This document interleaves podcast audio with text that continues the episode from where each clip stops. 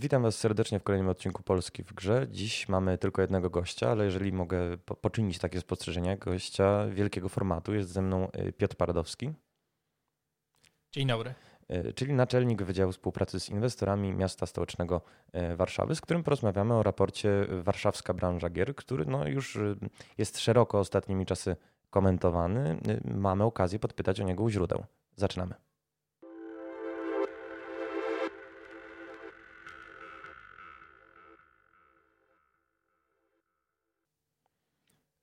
Piotrze, przede wszystkim y, gratuluję, bo to jest naprawdę bardzo y, interesująca lektura. Interesuje mnie natomiast, może powinniśmy pomówić o kwestiach metodologicznych, zanim zaczniemy wgryzać się w rdzenie. To znaczy, wiem, że podstawą badania jest ilościówka. Kwestionariusz składał się z 49 zamkniętych i półotwartych pytań. No i odpowiedzi udzieliło Wam 29 firm, czyli jakby nie było 48% wszystkich producentów gier z Warszawy. E, kto w imieniu tych firm czy spółek udzielał tych odpowiedzi? To zależy tak naprawdę od konkretnej firmy. Ja myślę, że tutaj warto zwrócić uwagę w ogóle, jaka jest geneza tego badania. Tak? Mhm. To znaczy, my w momencie, kiedy stwierdziliśmy, że przydałby nam się taki raport badający naprawdę branżę gier w Warszawie, e, sprawdziliśmy, jakie materiały są dostępne już na rynku i, i okazało się, że jest dostępny ten raport Krakowskiego Parku Technologicznego, sprzed dwóch lat na temat polskiej branży gier. Skontaktowaliśmy się z KPT, bo z taką nadzieją, że może faktycznie będzie szykowana kolejna edycja i być może udałoby się stworzyć wycinek z tego raportu już bezpośrednio odnoszący się do Warszawy.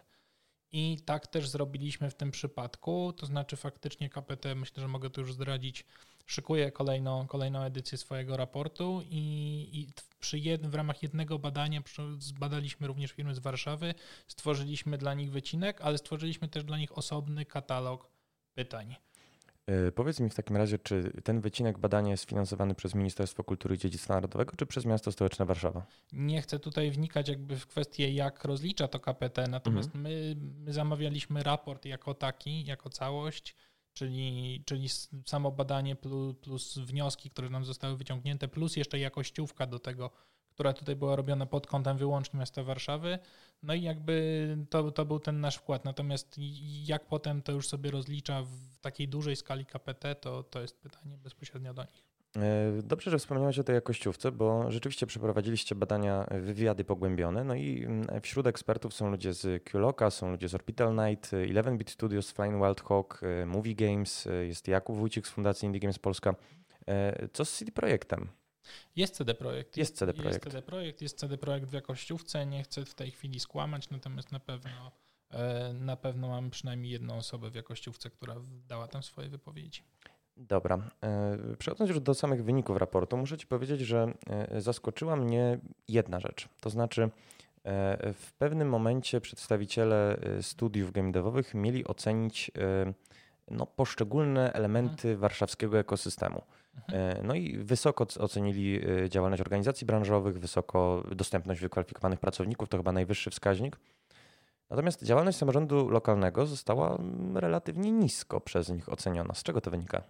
Ja myślę, że to wynika z dwóch kwestii. To znaczy, przede wszystkim w tym, w tym katalogu odpowiedzi, które my tam wskazaliśmy, e, daliśmy jeden jako działalność samorządu, natomiast nie daliśmy po drugiej stronie tej działalności na poziomie ogólnokrajowym, czyli na przykład ministerstwa. Mhm. A dwa, że jakby wśród wielu, wielu osób, nie tylko z branży gier, jest dość duże faktycznie niezrozumienie tematu, gdzie które są kompetencje, tak? I na przykład kwestia ulgi gamingowej, która jest już rozpatrywana od paru lat, no to jest wyłącznie kwestia ministerstwa, ministerstwa. natomiast nie, nie samorządu. Podobnie jest kwestią dofinansowań do działalności, tak? To znaczy bardzo rzadko samorządy w ogóle dają jakieś takie konkretne granty na, na działalność. E, I, I, myślę, że nam by było trudno też, no tam to zostało wskazane jako taka działalność, której oni jakby deweloperzy najczęściej się spodziewają, tak? Granty do, do, dofinansowanie do działalności. No z naszej perspektywy to jest po prostu niewykonalne.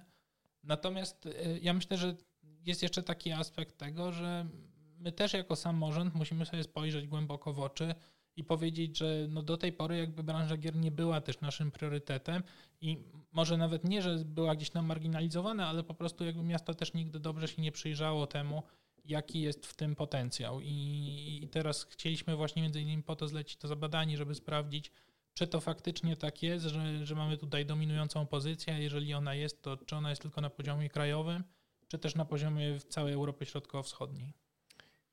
Wiesz co, to jest chyba dobra okazja, bo tak wraca nam jak referent to Ministerstwo Kultury i Dziedzictwa Narodowego. Mhm żeby też pomówić o tym, co samorząd y, robi dla game devu. To znaczy wiem, że y, ministerstwo no, i rozważa tę ulgę podatkową mhm. E, i podczas kampanii parlamentarnej niedawnej zapowiadał rząd y, wprowadzenie Centrum Gier Wideo. Nie wiemy, co to będzie, mhm.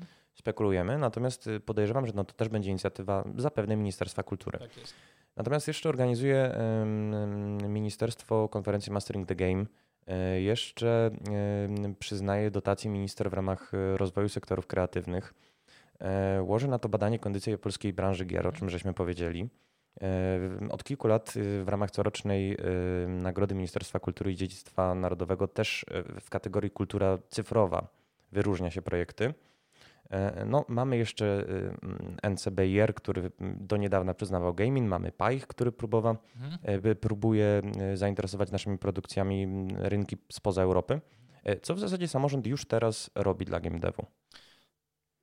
Okej, okay, to odpowiadając na to pytanie, myślę, że w ogóle my jako pierwszy samorząd w Polsce podeszliśmy do, do branży gier nie patrząc z perspektywy ogólnokrajowej, tylko z perspektywy tutaj miejsca, gdzie są ulokowane. Tak? To znaczy faktycznie żadne, inne miasto w Polsce nie ma tak silnej pozycji, jeśli chodzi o branżę gier i, i trudno by mu też było jakby stworzyć taką sprofilowaną ofertę. To, o czym powinniśmy pomyśleć i na pewno na jakimś etapie to, to jest rozważane, to znaczy coś, co nam wyszło z tego badania, jedna rzecz – czyli promocja warszawskich firm za granicą. 44% deweloperów tego oczekuje właśnie. Tak, tak. I to na pewno jest takie działanie, o, o którym będziemy się zastanawiać, jak to zrobić, gdzie to zrobić i, i czy na przykład w ramach stref polskich, które są na targach w Kolonii, warto by było stworzyć strefę warszawską. To, mhm. to jest kwestia do rozważenia i bo programy na przykład wsparcia dla startupów były w mieście realizowane, tak? W poprzednich latach zawsze był jakiś temat przewodni no być może powinniśmy jako taki temat przewodni rozważyć branżę gier i wtedy wybrać już targi, które są skierowane tylko do niej. Natomiast e, druga taka rzecz, o której powinniśmy pomyśleć i która mnie osobiście najbardziej chyba uderzyła w tym badaniu, jak już sobie spojrzeliśmy na cały, kształt, na, na cały krajobraz, no to to, że nie mamy w Warszawie naprawdę takiego na poziomie europejskim wydarzenia związanego z, z mhm. branżą gier. To znaczy, Faktycznie mamy Digital Dragons, które jest w Krakowie. Zresztą tak. Maciej Śliwiński jest współautorem badania, dokładnie, organizator. Dokładnie. E, więc mamy, mamy konferencję w Poznaniu, tak, w ramach przy, przy PGA jest też organizowany GIG. E, CD Projekt swojego czasu zorganizował w Łodzi mm, The Promised Land. Natomiast my w Warszawie mamy, mamy Pixel Heaven, który bardzo wspieramy i który jest bardzo, bardzo fajną imprezą. Natomiast to umówmy się, jest taka impreza dość mocno skierowana na historię gier, a nie na branżę tego, co się aktualnie dzieje i jakie są trendy. Tak więc e, musimy rozważyć tutaj, jaka jest nisza w tym momencie, jakie są potrzeby tej branży, bo też nie ma sensu robienia wydarzenia tylko po to, żeby ono było, tak? Tylko musimy spojrzeć, co zrobić, by takie wydarzenie było sprzedawalne marketingowo i z drugiej strony, co by było, co by dawało takiego merytorycznego dla, dla samej branży. Natomiast jeszcze jedna sprawa, którą myślę tutaj warto poruszyć w kontekście i tych oczekiwań do samorządu, i w kontekście tego, co jest robione. To znaczy, nie zapominajmy, że jakby podstawową rolą samorządu jest dbanie o to, by mieszkańcom dobrze się żyło, firmom dobrze się funkcjonowało, tak? I my jesteśmy tutaj gospodarzem i musimy dbać o to, żeby funkcjonowała i komunikacja publiczna i, i żeby ta przestrzeń miejska była dobrze zorganizowana, bo jakby zdaję sobie sprawę, współpracując tutaj z firmami nie tylko z branży game dev, ale i jakby szeregu innych sektorów, że w tym momencie jesteśmy na takim etapie, że wojna o talenty jest wojną o wszystko. Tak? Mhm. To znaczy firmy poszukują przede wszystkim pracowników, niekoniecznie pochodzących z Polski, pochodzących z Europy, pochodzących ze świata. I jeżeli my nie będziemy jako miasto w stanie swoją taką ofertą czasu wolnego, ofertą jakości życia zachęcić tych pracowników, no to jakby na pewnym momencie te firmy stwierdzą, że nie chcą tutaj być, bo nie mają tej, no brzydko, mówić, brzydko mówiąc, siły roboczej. E, do kwestii wydarzenia, o którym wspomniałeś, jeszcze wrócimy, bo to jest bardzo ciekawy wątek, ale pozostając e, w temacie zatrudnienia.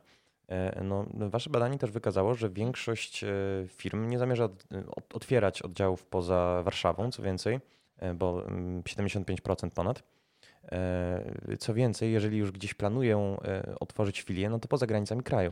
To 13,79%.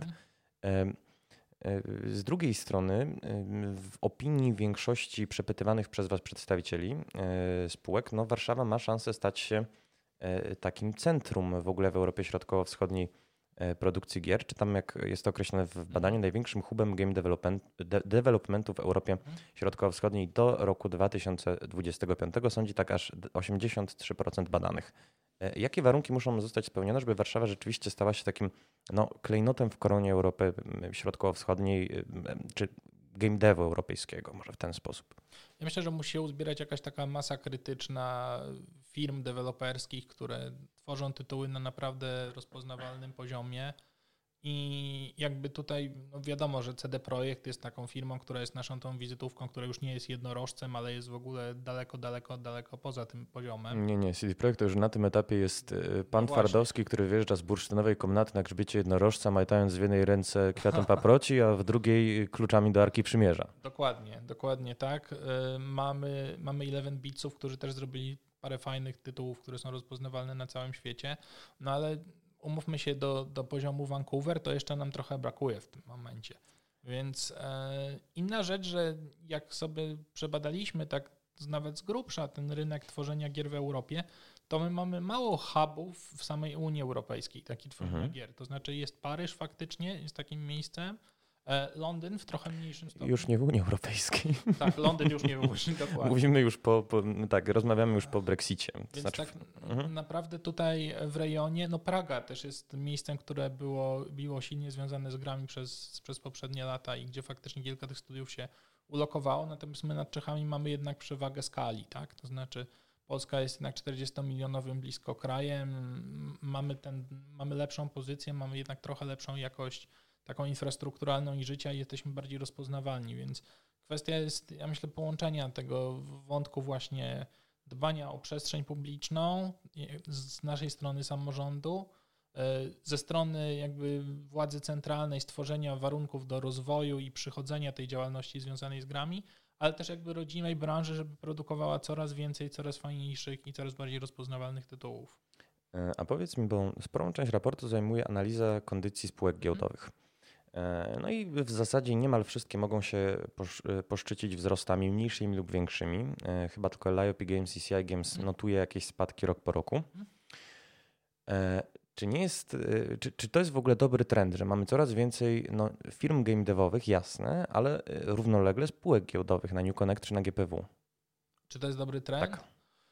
Wydaje mi się, że tak, bo to jest naturalny etap na pewnym poziomie firmy, tak? To znaczy, jeżeli e, ten dostęp do finansowania w Polsce, umówmy się, jednak jest dość ograniczony, tak? I myślę, że to, czego branża bardzo potrzebuje w tym momencie, poza takim wsparciem promocyjnym, które może uzyskać ze strony, ze strony jakiejś administracji, no to jest to, że, że nie mamy w Polsce aż tak dużo inwestorów, którzy mogliby pomóc rozwinąć tę branżę i, i szukając ich za granicą, to, to jest jasne i będziemy to wspierać. Natomiast jeżeli mogą pozyskać te środki w jakiś inny sposób, czytaj przychodząc na giełdę, e, no to jest, to, to jest dobry pomysł. Natomiast e, ja myślę, że to też jest tak, że giełda jest dobrym weryfikatorem jakości, tak? To znaczy od, odsuwając na chwilę na bok te kwestie całego marketingu, który jest tworzony wokół gier, to znaczy, jeżeli tytuł jest dobry i jeżeli się sprzedaje, no to ciężko by było nie przełożyć tego potem na wyniki na giełdzie. Pozwolę sobie zaoponować, aczkolwiek łagodnie. To znaczy, mówisz, że mm, mówisz o marketingu gier, natomiast y, ja ze swojej skromnej perspektywy dostrzegam, że coraz y, prężniej działa taki marketing nastawiony, czy promocja może szerzej, nastawiony nie tyle na y, odbiorców, na graczy, co na inwestorów. I skutkuje tak. to bardzo często no, komunikatami giełdowymi czy spotkaniami, podczas których formułowane są takie no, dość momentami buńczuczne komunikaty. Tutaj przychodzą mi do głowy kazusy, kazusy The Dust i Starward Industries. Pierwsza to jest firma, która do, dotychczas zajmowała się głównie advert gamingiem, no i nagle mhm. wchodzi z butami na New Connect, obwieszczając, że e, pozyskała prawa do twórczości Jacka Piekary, będzie adaptować cykl inkwizytorski. Co prawda za 3 lata, natomiast y, w międzyczasie, podobnie zapewne jak Star Wars Industries, zacznie y, wydawać symulatory. No i rzeczywiście to są spółki, które puchną niesamowicie, ale jeszcze nic nie pokazały. To prawda. Starboard Industries, przypomnę, y, ma z kolei adaptować twórczość Stanisława Lema. I to też mamy e, grono, no nie debiutantów, bo wiemy, że to są ludzie, którzy pracowali przy Wiedźminie, przy Dying Light'cie i tak dalej, chociaż odnoszę wrażenie, że inwestorzy też nie do końca chyba rozumieją, że przy Wiedźminie to naprawdę cała polska branża pracowała e, i, i każdy się może pochwalić tym Wiedźminem w portfolio, no, no którymś. I troszeczkę zastanawiam się, czy to nie jest furtka do pewnych patologii, do tego, że powstaną nam spółki, które jasne, będą notować dobre wyniki, natomiast y, będą nas karmić prasówkami na temat symulatorów, które są bardzo proste w tworzeniu i nie wymagają wielkich nakładów, zwracają się szybko, e, ale no, ten moment rynkowej weryfikacji będą przeciągać w nieskończoność mhm. Y, wydaniem gry. Czy to nie jest jakieś zagrożenie wręcz dla tej branży? Ja myślę, że to jest pytanie, na które powinniśmy sobie odpowiedzieć szerzej. Tak? To znaczy, zawsze było tak na giełdzie, że były spółki, które były w ogóle takie tematy, które były jakoś tam głośne w pewnym momencie i wszystkie spółki związane z tym tematem gdzieś tam puchły. Tak? I w pewnym momencie ktoś mówił, sprawdzam. No i okazywało się, że to pójdzie w jedną stronę albo w drugą. I, I, u nas trochę tak jest i na pewno jedną z nielicznych, e, no nie chcę tutaj powiedzieć wad, ale no z jakimś takim zagrożeń, które powstały wraz z sukcesem Wiedźmina, było to, że wszyscy zobaczyli, wow, to my jednak potrafimy stworzyć naprawdę światowy produkt, to pewnie wszystkie firmy potrafią stworzyć taki produkt, tak? I jakby widzimy taki hype, który się trochę nakręcił i, i, i teraz jeżeli cokolwiek jest związane z gamingiem, no to jakby już nastawienie inwestorów jest takie, że to będzie jakiś tam sukces. Natomiast czy będzie, czy nie będzie, no mamy do tej pory nie aż tak dużo przykładów. Myślę, że na jakby liczby tworzonych gier w Polsce, te, które osiągnęły status tam złota, czy w ogóle jakiejś kategorii AA czy AAA, mhm. nie jest aż tak dużo. I, I fajnie, że tych tytułów powstaje coraz więcej, natomiast taka świadoma weryfikacja jest gdzieś potrzebna. I, I myślę, że tutaj też jest jakby duże wyzwanie przed branżą, tak? To znaczy faktycznie uświadamiać inwestorów, że nie wszystko coś, co ma na, w nazwie gry jest skazane na sukces, tak? Tylko jakby jakie są te benchmarki oceny potencjalnej inwestycji. Zastanawiam się i trochę mówiąc szczerze niepokoję.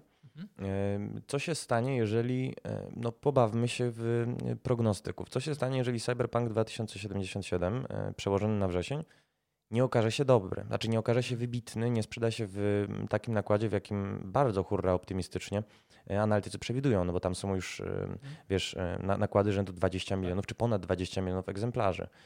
E, rozmawiamy w dniu, w którym no, Redzi, e, przepraszam, CD Projekt osiągnął historyczne maksimum. Już naprawdę dziś możemy za akcję CD Projektu zapłacić ponad 300 zł. Mhm.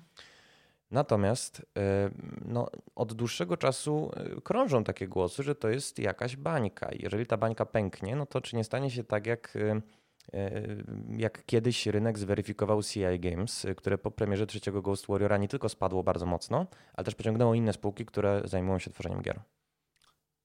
Na pewno jeżeli tak się stanie, to tak będzie. To znaczy ja nie, w tym momencie nie wierzę w to, żeby, żeby CD Projekt, nawet jeżeli Cyberpunk nie kolokwialnie mówiąc, nie dowiezie tej jakości, tak jakiej mhm. my oczekujemy, to znaczy nie wierzę w to, że, że to nie będzie produkt, który osiągnie taką sprzedaż, jaka jest zapowiadana. Eee, chociaż no, no ciężko orzec wokół tego wszystkiego pytanie, na ile to jest marketing, na ile to tak naprawdę jest oparte na, na faktycznych jakichś takich ocenach. E, pamiętajmy o tym też, że jakby CD Projekt nie chcę tutaj wchodzić jakby w ich jakieś finansowe oceny, tak, bo, bo też nie jestem specjalistą od tego tematu, ale no to nie jest taka firma jak EA, która jednak gdzieś tam miała tą poduszkę, tak, to znaczy ona zaliczyła parę w top, czy, czy Blizzard, natomiast zawsze mogła się gdzieś odbić, no bo nie była oparta do tej pory na jednym, tytu na jednym tytule.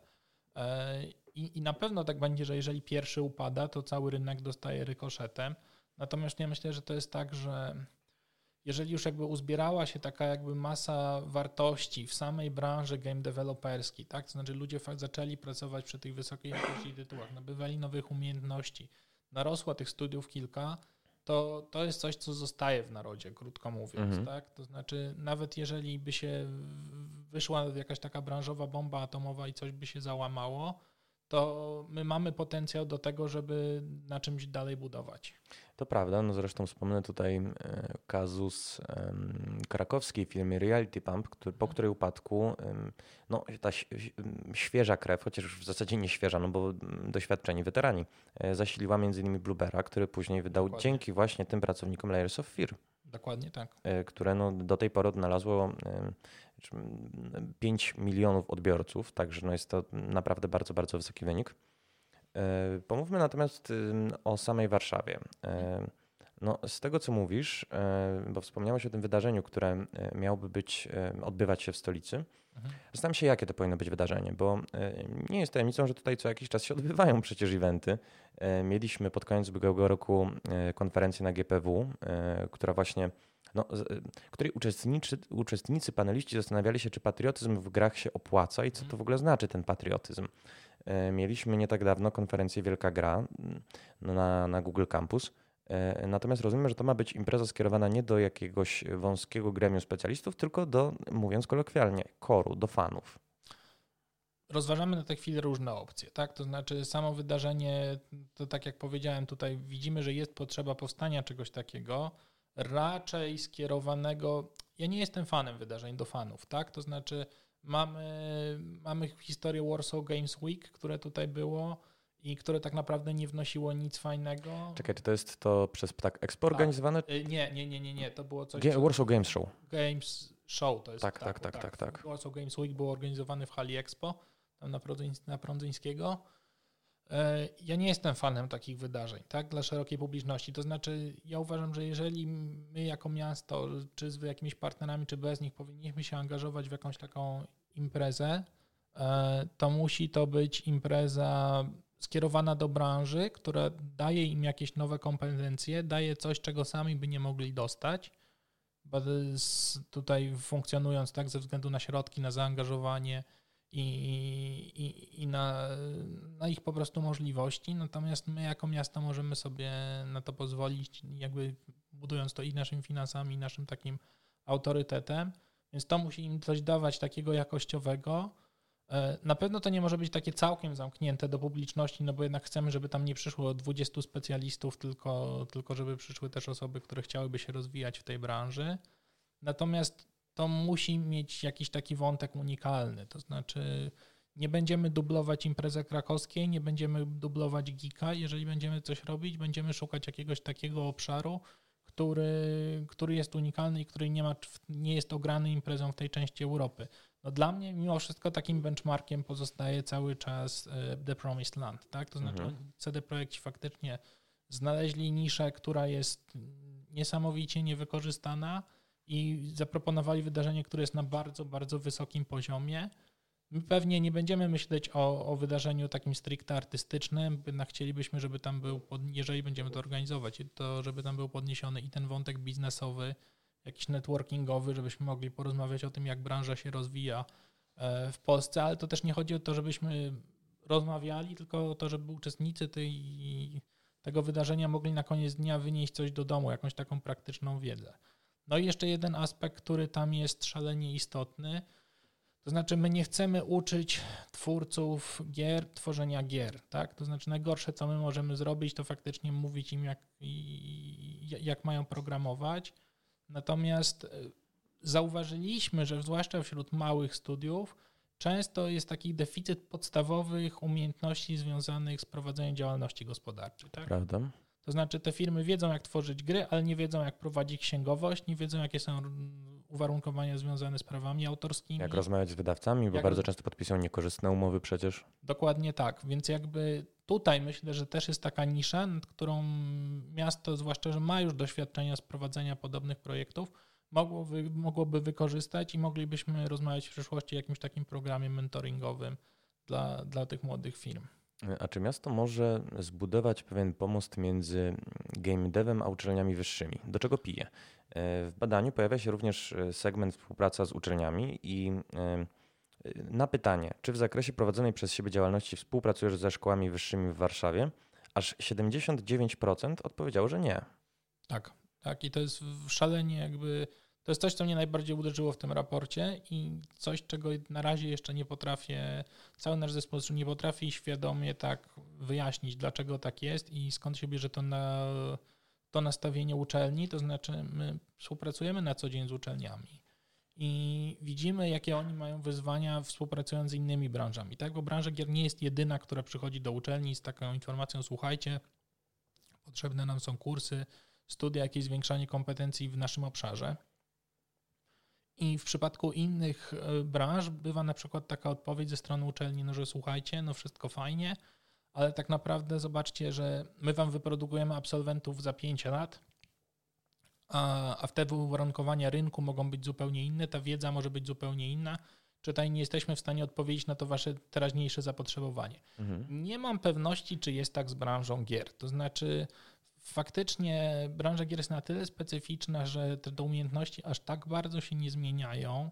Wydaje się, że będzie dość trwała. No, jakby wszyscy wiemy, że potrzebujemy programistów, a jeżeli nie w grach, to, to nawet w innych obszarach. A trzy to, to coś, coś, co nam też wyszło w tym badaniu, to znaczy producenci gier poszukują ludzi patrząc nie, nie tyle przez profil ich dyplomu, co przez profil ich doświadczenia. Otóż to. I bardzo często bywają, mm, znaczy może nie bardzo często, ale bywają rzeczywiście uczelnie wyższe e, gospodarzami dżemów, e, na przykład Slawika czy Polidżemu, tak. który teraz się, teraz się odbył na Politechnice. E, ale no, była nawet konferencja na Geeku poświęcona tej współpracy z no, biznesem i z, również z uczelniami wyższymi. No i przede wszystkim narzekają, no w zasadzie jak jeden mąż wszyscy, na to, że A, na uczelniach nie ma praktyków, e, a B, e, no ta współpraca jest, y, jest oporna i to wynika w sumie rzekomo, no, takie słyszałem głosy. Z jednej strony z tego, że uczelnie nie do końca wiedzą, jak się za to zabrać, z drugiej strony dlatego, że game dev no, trudno jest wydelegować pracownika, który miałby prowadzić e, zajęcia, bo to oczywiście w perspektywie długiej jest wspaniałe, bo. Dostaniemy pra pracownika za parę lat, który będzie, nie wiem, E, umiał operować na jakimś silniku, który będzie zaznajomiony z jakąś technologią, będzie znał pipeline i tak dalej. No ale z drugiej strony my tracimy tego pracownika bardzo często w momencie, kiedy musimy, e, znów nawiążę do tego określenia, jako dzisiaj ze mną chodzi, dowieść grę w terminie, no to to jest bezcenna para rąk. Tak, oczywiście. No jakby no, to jest coś, z czym musimy się mierzyć, biorąc pod uwagę, że nasza branża jest dość młoda, tak? To znaczy ona rośnie, mamy tych specjalistów, ale cały czas ich nie jest aż tak dużo i, i pewnie przydałoby się jakieś takie wzmocnienie kompetencji specjalistami z zagranicy, o co nie jest łatwo, ale o co my też jako miasto walczymy, żeby gdzieś tam podpromować. W ogóle taka ciekawostka, e, rozmawiamy teraz na przykład z University of Chicago, i na temat programu ściągania talentów do Warszawy, tak? To znaczy mhm. myślimy o tym, żeby faktycznie pojechać tam i porozmawiać z tymi studentami na temat możliwego przyjazdu do Warszawy i rozwoju tutaj swojej kariery. No i jakby zapytaliśmy ich, jakie widzicie mm, takie pola, obszary, jakie branże, w których ci studenci byliby ewentualnie zainteresowani przeprowadzką do Polski, tak, rozwojem tej swojej kariery. No i jakby to, co nam naturalnie przyszło do głowy, to coś, czym Warszawa stoi tak gospodarczo, czytaj finanse i IT. I to jest coś, co zarzuciliśmy jako pierwsze, natomiast z drugiej strony to, co usłyszeliśmy, no to to, że słuchajcie, wy wyprodukowaliście Wiedźmina, tak? Wy musicie porozmawiać z nami o możliwościach rozwoju w game devie. I, I to jest szalenie ciekawe, bo, bo gdzieś znaczy, że ta, ta nasza marka w świat już uderzyła i to się będzie rozwijać. Ale wracając do tego pierwotnego pytania, bo tutaj trochę tak e, popłynąłem, to ja myślę, że jakby my jako samorząd mamy, mamy możliwość bycia takim pomostem tak? między, między branżą a, a uczelniami wyższymi. I na pewno podczas każdego spotkania z uczelniami, my, my, zresztą po to stworzyliśmy ten raport, tak, żeby im pokazać, słuchajcie, jakby trendy są takie i takie, możliwości są takie i takie, ale widzimy tutaj jest jednak pewna bariera. I, I powiedzcie nam, na czym to polega, gdzie wy widzicie tą barierę, gdzie są te przeszkody i co możemy wspólnie zrobić, żeby to, żeby to zmienić. Czy takie rozmowy już się toczą?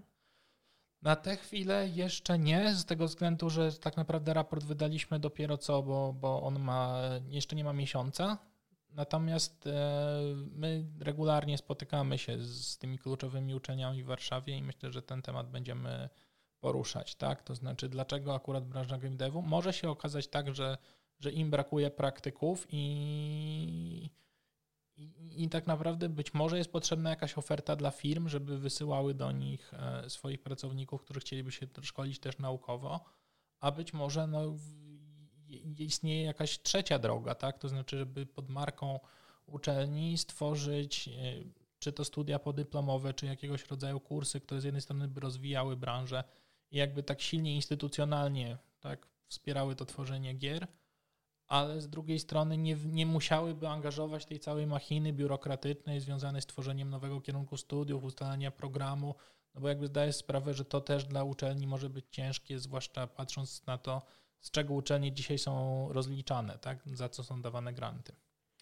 E, to prawda, dopowiedzmy jeszcze, że e, no jest e, popyt, jest podaż. To znaczy z badania, jakie przeprowadziliście, wynika, że aż 89% firm planuje zatrudnić nowych pracowników. Co więcej, no, większość z nich poszukuje ich w Warszawie.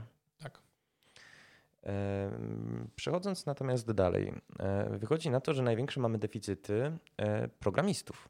Mhm co jest, mnie zaskoczyło. To znaczy, ja nie, nie operuję w ogóle, jeżeli chodzi o szkolnictwo wyższe, natomiast tak zdroworozsądkowo wydawało mi się, że akurat programistów, czy w ogóle ludzi w branży IT, no, kształcimy od lat i jest to na dobrym poziomie. Mm, kształcimy, jest na dobrym poziomie i robią to wszystkie kraje europejskie, natomiast no, deficyt programistów to jest coś, co dotyka nie tylko branży gier i nie tylko w Polsce. Ja czytałem takie badania, że, że być może w Europie będzie brakować kilkudziesięciu milionów programistów w ogóle za kilka lat. Więc to są niewyobrażalne w ogóle liczby i, i jakby dalsze kompet budowanie kompetencji w tym obszarze jest konieczne. Zresztą to, co robią duże firmy zajmujące się na przykład e, finansami, tak, to w tej chwili już widzimy to, że to jest standardowa jakby praktyka, że starają się też budować kompetencje związane z programowaniem, nawet takim juniorskim, wśród, wśród ludzi pracujących w korporacjach w innych jakby sektorach po to tylko, żeby wzmocnić ten, tę nogę, no bo, bo, bo ceny mamy w tym momencie jakby stawki są równe ze stankami europejskimi, jesteśmy niewiele tańsi, e, natomiast no, popyt będzie tylko rósł. I to w takich e, właśnie technicznych dyscyplinach, no bo poza programistami brakuje też projektantów, brakuje specjalistów e, od animacji. Dokładnie. E, relatywnie niewielkie jest sanie, jeżeli chodzi o kompozytorów, o specjalistów do spraw marketingu czy PR-u, dźwiękowców. Także no, nie wiem, jeżeli możemy jakiś przekaz naszym słuchaczom wtłoczyć w tym momencie, no to że warto się w tych technicznych bardzo drogach rozwijać. Czy no, wiąże się to pośrednio z tym, że e, kiedy szuka pracownika e, działu HR w firmie, no to on w zasadzie nie patrzy na wykształcenie. Patrzy przede wszystkim, jak wspomniałeś, na umiejętności, e, ewentualnie na doświadczenie w branży albo zadania rekrutacyjne. Mhm. Czy możemy w ogóle zmienić optykę? Czy rzeczywiście za parę lat, jeżeli ta współpraca z uczelniami zacznie się układać, dyplom będzie no, czymś więcej niż jakimś papierkiem, którym można pomachać, a, a i tak nie będzie brany pod uwagę podczas rekrutacji? Myślę, że zależy od branży, tak. To znaczy, raz, że my jesteśmy, tak mi się wydaje, dość konserwatywnym narodem pod względem zatrudnienia i tego, że, że ten dyplom jest gdzieś wymagany, tak. To znaczy, Polacy, te polskie firmy lubią mieć ten dyplom gdzieś tam z tyłu a jeszcze on jest wydany przez uczelnię, która faktycznie ma, jakby jest rozpoznawalna, no to już w ogóle super, tak? Mhm. E, jednak na przykład prywatne uczelnie, mimo tego, że czasami robią świetną robotę i jakby widzimy to, że są doceniane szkoły takie jak Polsko-Japońska Szkoła Wyższych Technologii. Zresztą Slawika gospodarz. Tak. No dokładnie. E, ja, jak Akademia Leona Koźmińskiego naprawdę robią bardzo dobrą robotę no to gdzieś tam w tej świadomości jest, że to jest jednak prywatna uczelnia i oni muszą wykonać pewnie dwa czy trzy razy jakby większą pracę po to, żeby, żeby ten ich absolwent był traktowany tak samo. To się zmienia, ale jednak powoli tu jest gdzieś wymagany jakiś taki, jakaś taka cierpliwość z naszej strony.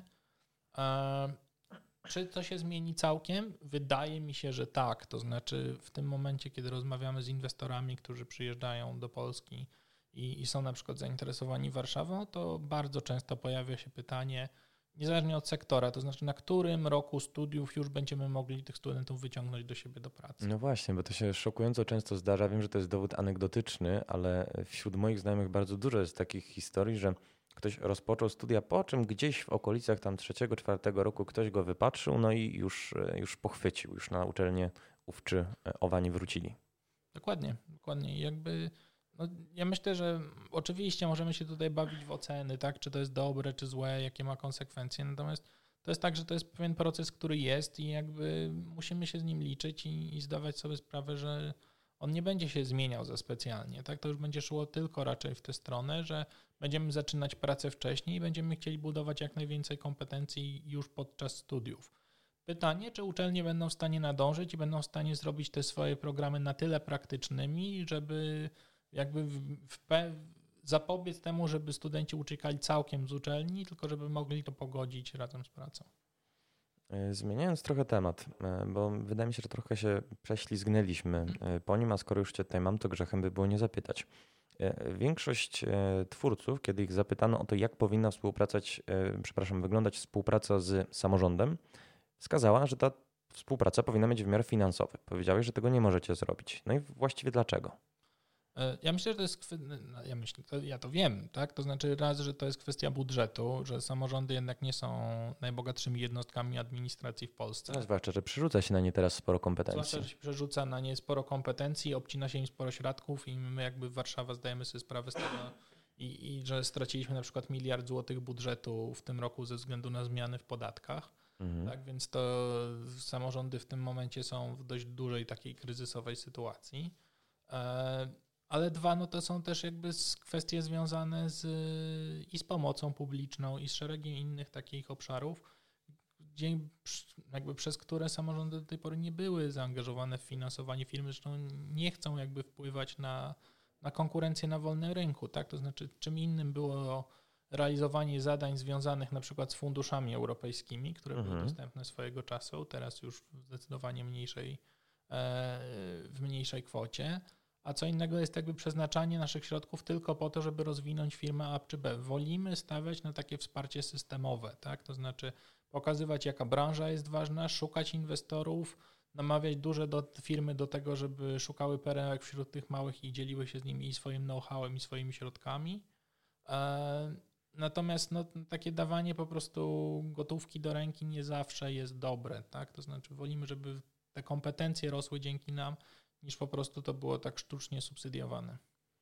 Mm, zresztą e, to również Wasze badanie. Mm, no, e, okazuje się, że bardzo niewielki odsetek z zasobów e, publicznych czy unijnych uzyska. I to mnie szczerze mówiąc zaskoczyło, mhm. bo to jest niespełna 7% wszystkich twórców, których zapytaliście. Natomiast no, bardzo jest głośno o czy Game Inie, czy Kreatywnej Europie, czy mhm. jakichś programach dotacyjnych. Dlaczego w zasadzie tylko 7%?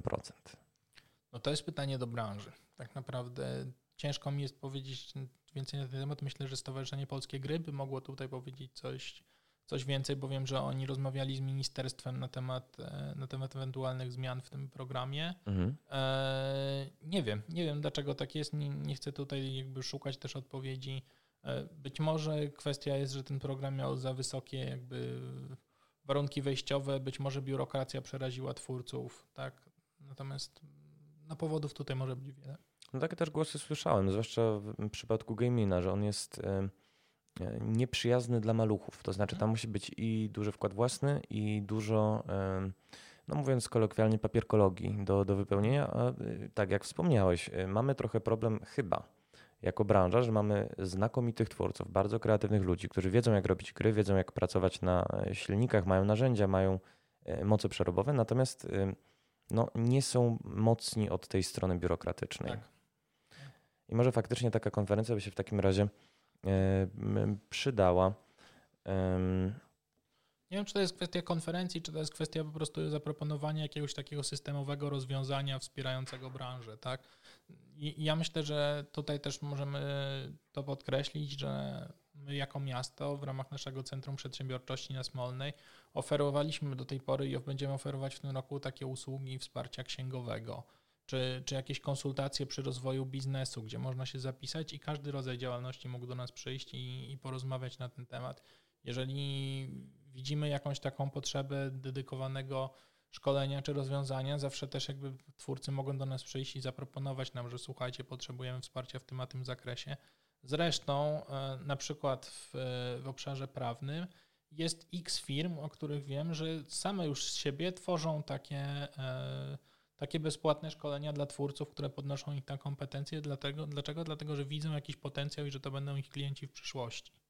E, nadmieńmy, że również Fundacja Indie Games Polska organizowała swego czasu, no i będzie organizować konsultacje prawne. Mhm. no, które są potrzebne chociażby właśnie przy zawieraniu umów z wydawcą, żeby nie doszło do jakiegoś niechcianego przeniesienia praw, czy nie okazało się nagle, że twórca musi ponosić jakieś dodatkowe koszty, których nie przewidywał podpisując umowy w dobrej wierze.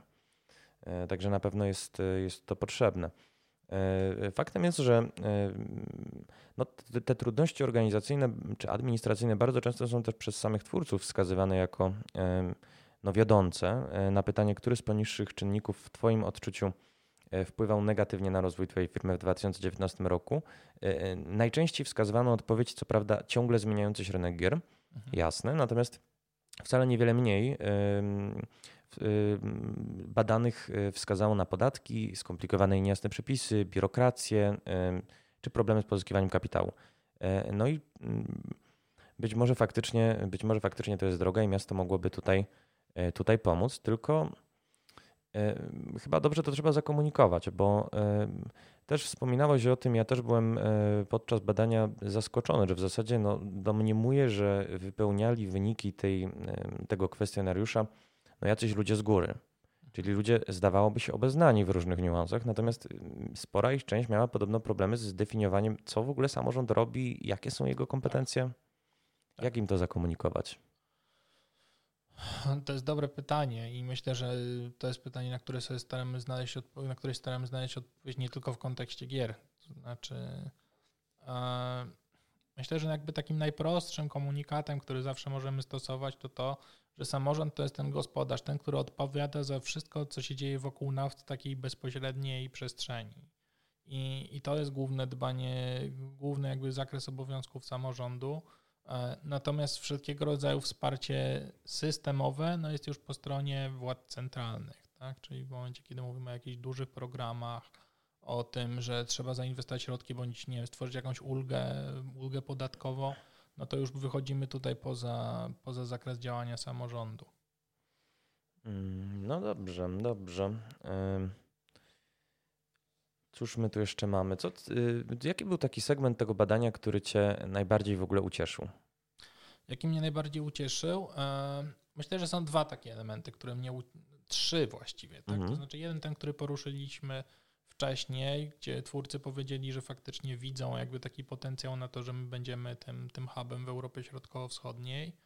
Druga rzecz, która mnie ucieszyła, to to, że twórcy nie tylko nie chcą wyprowadzać się z Warszawy, ale przede wszystkim dobrze czy lepiej niż wreszcie polskie oceniają dostępność kapitału ludzkiego tutaj. To prawda. Tak? To znaczy oni faktycznie gdzieś tam pokazują potem, że jedną z największych barier, jaką widzą, to jest brak tych e, zaawansowanych osób na zaawansowane stanowiska i gdzieś tam jeszcze to ssanie na talent jest potrzebne. Natomiast nie jest tak, że jednoznacznie źle oceniają to, co już jest. Więc, więc mamy jakąś taką bazę do budowy. E, to była druga rzecz, która mnie ucieszyła. Natomiast e, trzecia rzecz, która mnie ucieszyła, i teraz mi już oczywiście wypadła z głowy, e, o której chciałem powiedzieć, to to, że a, a, już wiem. Trzecia rzecz, którą chciałem powiedzieć, że mnie ucieszyła, to to, że mimo wszystko, mimo tych trudności, które nam zostały gdzieś wskazane, bardzo dobrze jest oceniana Warszawa w kategoriach takich mm, nie tylko związanych bezpośrednio z działalnością gospodarczą. Tak? To faktycznie gdzieś tam dobrze jest oceniona nasza komunikacja publiczna, dobrze jest ocenione e, dostęp do szkół, dobrze są ocenione wszystkie te aspekty, które są ważne z perspektywy działania każdej firmy, nie tylko firmy gamingowej. E, to prawda, rzeczywiście bardzo wysokie wskaźniki. E, powiedz mi jeszcze, bo na pewno masz najlepszą wiedzę na ten temat. Raport jest już dostępny, można go również przeczytać na stronie polskigamedev.pl. Kiedy się możemy spodziewać no, takiego pełnego raportu KPT? Nie chcę tutaj wchodzić w kompetencje KPT. Wiem, że w tym roku. Natomiast nie, Myślę, że Maciek Śliwiński czy, czy też zespoł KPT będzie tutaj lepszym źródłem, bo, bo wiem, że on mają tam do opracowania jeszcze trochę materiału. My jakby korzystaliśmy tylko z wycinka tego wszystkiego, natomiast całość nie, nie, nie chcę tutaj skłamać ani wprowadzić nikogo w błąd. Pytam poniekąd koniunkturalnie, bo powiem Ci, że już troszeczkę e, czuję absmak, jak muszę bazować na danych sprzed dwóch lat, no bo się po prostu zmieniło wszystko. No, wtedy jeszcze tych e, firm zajmujących się grami w Polsce było ponad 300, e, teraz już jest zapewne jeszcze więcej dobrze by się było dowiedzieć. Natomiast, e, jako się rzekło, już teraz można się zapoznać z wynikami warszawskiej branży gier, do czego serdecznie zachęcam. Moim gościem był Piotr Paradowski, naczelnik Wydziału Współpracy z Inwestycjami Miasta Stołecznego Warszawy. Aż zadyszki dostałem. Dzięki bardzo.